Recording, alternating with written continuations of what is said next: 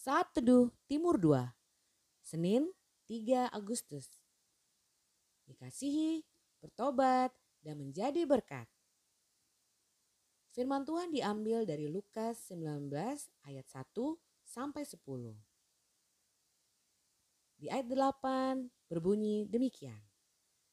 Tetapi Sakyus berdiri dan berkata kepada Tuhan, Tuhan, setengah dari milikku akan kuberikan kepada orang miskin dan sekiranya ada sesuatu yang kuperas dari seseorang, akan kukembalikan empat kali lipat. Kisah tentang Sakeus sudah diketahui oleh seluruh orang percaya di seluruh dunia dengan berbagai macam tafsiran. Hari ini, saat saya membaca kisah ini, Tuhan mengingatkan bahwa cerita Sakeus merupakan satu contoh dari seorang pribadi yang merasa dirinya berdosa dan kemudian mengalami pertobatan dan menjadi berkat buat orang lain. Titik balik pertobatan Sakeus bukan saat ada seseorang mengabarkan Injil secara pribadi kepadanya.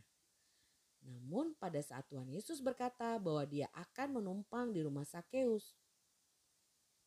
Perkataan Tuhan Yesus yang menyatakan bahwa dia mau menumpang di rumahnya memberikan adanya suatu rasa penerimaan atau dikasihi di dalam diri Sakeus. Perasaan ini mungkin yang tidak dia dapatkan dari orang-orang di sekelilingnya. Perasaan dikasihi yang dirasakan oleh Sakeus membuat dia mengalami pertobatan. Dan buah dari pertobatannya, dia ingin menjadi berkat untuk sesama.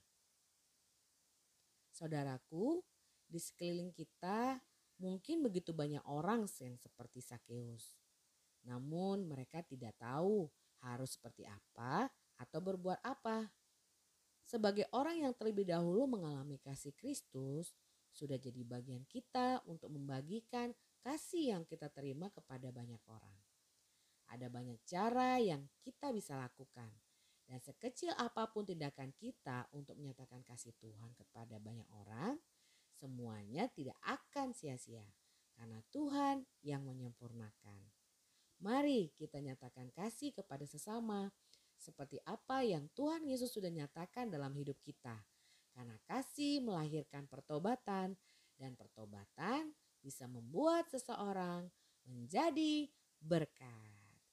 Selamat menikmati hari yang baru.